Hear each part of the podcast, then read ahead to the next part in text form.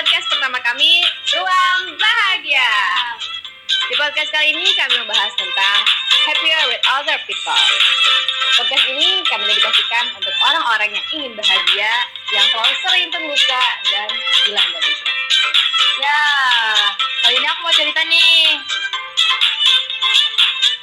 Nah, Nat Nat, aku tadi tuh eh, siang ini tuh panas banget ya. Sumo kali.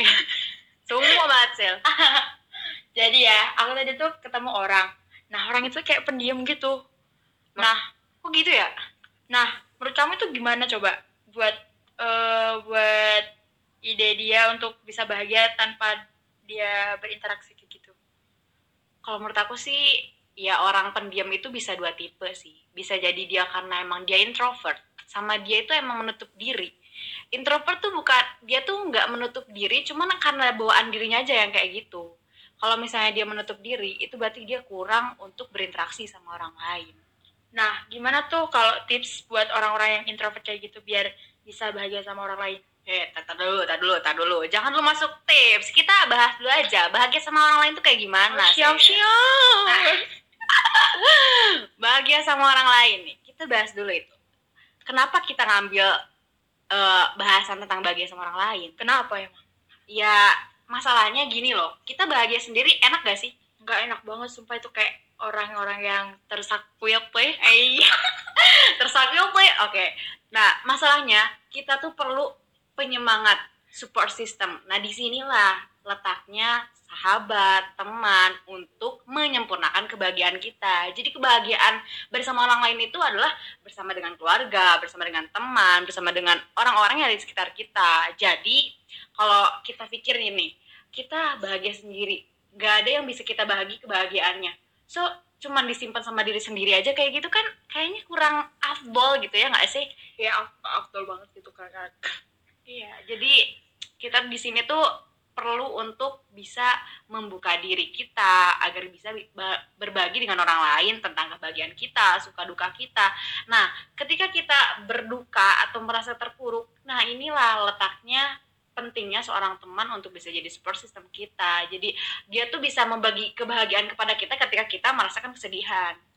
Terus-terus kalau kita, eh, terus-terus kalau dianya nggak mau kayak bener-bener orang-orang eh, nggak mau kenal sama orang lain gitu gimana? Kan bener-bener nggak mau mengenal satu sama lain gitu loh. Nggak mau kenalan aja nggak mau, bicara aja nggak mau. Itu gimana coba? delete aja dia yang kayak gitu kayaknya harus di kick maksudnya tuh gitu eh, maksudnya tuh kick di sini adalah kick lah eh, kepribadian yang seperti itu dari dia Oh, siap. kita harus merangkul dia kita harus mengajak orang yang seperti itu agar dia tuh bisa berbaur dengan orang lain nah tapi beda halnya kalau misalnya emang orang itu nggak mau terbuka sama orang lain kalau misalnya dia tuh pada passion dia sebenarnya tuh mau cuman dia malu gitu kan dia shiny shy gitu shy shy gitu kan shy shy cat gitu. shiny itu kayak cahaya gitu loh, bukan shy shy cat you Oh, know, iya. malu-malu kucing nah jadi dia tuh mungkin malu karena dia tuh eh, merasa dia nggak setara ibaratnya kayak gitulah ya. Kadang dalam pertemanan juga pasti dia merasa ada kelas-kelas yang kayak orang dia tuh dia tuh eh, orang yang kayak mereka tuh orang yang terlalu sering eh, mengekspos apa tentang hidupnya atau kayak gimana. Sedangkan dia termasuk orang yang nggak terlalu mau eh, membuka dirinya tentang apa pun yang ber- berdasarkan eh, aspek kebahagiaan atau kesedihan dia tuh pengen dia simpen sendiri aja nggak mau kayak dibagi-bagi sama orang lain karena dia malu gitu loh. Cuman kalau misalnya emang dia mau tapi dia nggak punya keberanian ya kita harus ajak. Cuman kalau misalnya dia yang dari dirinya emang nggak mau terbuka sama orang lain kita perlu ngasih tips and trick buat orang yang kayak kayak gitu. Gimana tuh kalau tips and triknya tuh? Gimana? Kamu nggak tahu masa kamu nggak tahu Aku sih taunya cuma itu loh, membuka diri sama orang lain sama kayak biasakan berbaur. Kayak kalau membuka diri gitu kan kita tuh nggak boleh kayak shy shy gitu, shy shy cat gitu kan.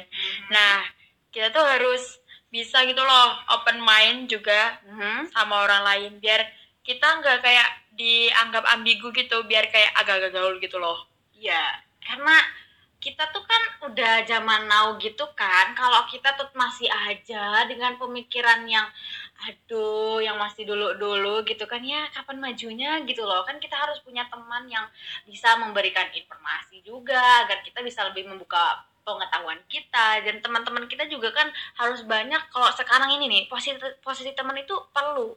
Karena apa?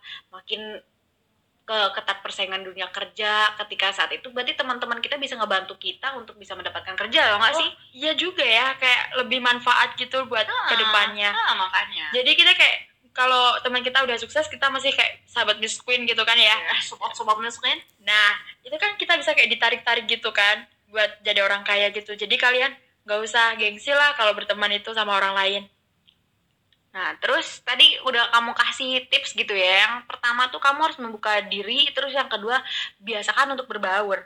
Nah, eh, membuka diri itu ya kayak tadi open minded dan berbaur itu kita ibaratin ya dalam kelompokan gitu. Kita ada di situ, orang ngumpul, kita malah kayak me- mengas- mengasingkan diri sendiri. Itu tuh yang yang enggak banget gitu loh. Yang kita tuh harusnya tuh ikut ketika ada orang ngumpul ya kita ikut gabung lah, ikut ngobrol. Biar meskipun- dianggap gitu nggak sih? Meskipun emang kita nggak tahu-tahu amat gitu loh ya tentang yang dibahas ya kita oh mangut ya mangut ya mangut. kita so tahu ah so tahu aja biar kayak orang pintar gitu. Biar kayak kita oh berarti anak ini eh, walaupun dia nggak tahu tapi dia bisa berusaha tahu gitu loh mau gitu. Jadi mereka tuh punya interesting sendiri kepada kita gitu. Heeh. kelihatan tuh oh berarti dia ada kemauannya gitu loh ya. Terus yang ketiga nih kita harus bisa menerima perbedaan. Maksudnya gini kita udah mencoba untuk mendekat gitu loh untuk mencari teman untuk mem- memiliki eh, orang-orang yang bisa kita bahagi, ba- berbagi kebahagiaan. Nah di situlah kita juga harus bisa menerima perbedaan di antara kita. Karena nggak mungkin lah selama kita pertemanan itu semuanya apa sama aja lurus aja nggak mungkin. Karena pasti ada perbedaan-perbedaannya iya banget sumpah kita tuh ngerasain banget tau.